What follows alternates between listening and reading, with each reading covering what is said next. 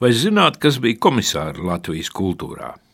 Komisāri, kuriem priekšā varētu rakstīt pirmais. Šoreiz runa nebūs par bolševiku ministriem, komisāriem. Arī par Eiropas Savienības ierēģiem ar tādu pašu nosaukumu nē. Šodien es gribētu atgādināt par brāļiem. Voldemāru, kurš piedzima 19. gadsimta pēdējā gadā, un Pēteri, kurš piedzima 20. gadsimta pirmajā gadā par brāļiem komisāriem, piedzimuši muzikāli orientētā ģimenē. Lai arī tēva nodarbe bijusi tirdzniecība, viņam piederējis neliels veikaliņš. Viņi jau no bērnības bijuši iesaistīti mājas muzicēšanā.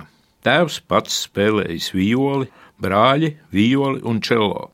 Jaunākais brālis Pēters čelo spēli sācis apgūt jau Rīgas pirmajā mūzikas institūtā pirms Pirmā pasaules kara bet kopš 16. gadā ģimene bēgļu gaitās nonākusi Maskavā, turpinājis to apgūt pie Ukrainā dzimušā un vēlāk Amerikā dzīvojošā čelista Mihaila Bukinika. Savukārt vecākais brālis Valdemārs tieši Maskavā pirmo reizi skatījis Čaikovska gulbja ezera izrādi, kas uz viņu atstājusi tik lielu iespaidu, ka baletu mākslu viņš izvēlējies par savas dzīves piepildījumu. Beidzoties Pirmajam pasaules karam, ģimene nekavējoties atgriezusies Latvijā, un brāļi tūdaļ iesaistījušies brīvības cīņās. Par varonību Valdemārs pat saņēma Lāčplēša ordeni. Pēc brīvības cīņām Valdemārs aktīvi iesaistījies Nacionālās operas trupas veidošanā un bija Nacionālās operas pirmais baletmeistars un vienlaicīgi arī dejotājs faktiski Latvijas Nacionālā baleta aizsācējs, dibinātājs. Valdemārs komisārs ir arī pirmā latviešu baleta Jāņa Mediņa mīlas uzvara libreta autors. Diemžēl 1931. gadā viņu pieveica tolaik vēl praktiski neārstējamā tuberkuloze. Man, kā bijušajam čelistam, protams, tuvāks jaunākais brālis Pēters, pie kura man bija tā laime mācīties. Viņš Latvijas konservatoriju beidzis kā pirmais čelists ar brīvmākslinieka grādu. Pēc tam darbojies kā pedagogs Daugopils Tautas konservatorijā un turpat Daugopilī devis arī savu pirmo solo koncertu. Vēlāk spēlējis Dailas teātra orķestrī. Viņa vārds tāpat gandrīz katru sezonu atrodams 30. gadu jūrmalas vasaras simfonisko koncertu solistu vidū. Tomēr viņa redzamākā, man zināmā, Darbība bijusi pēc otrā pasaules kara.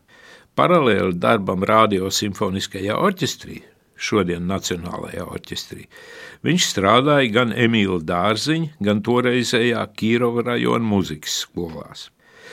Pavisam nesen Latvijas rādio bija raidījums Vācijā dzīvojošā čelista un komponista Dona Jofes 90. jubilejas sakarā, kurā par savu skolotāju Pēteru komisāru viņš izteicās: ģeniāls pedagogs.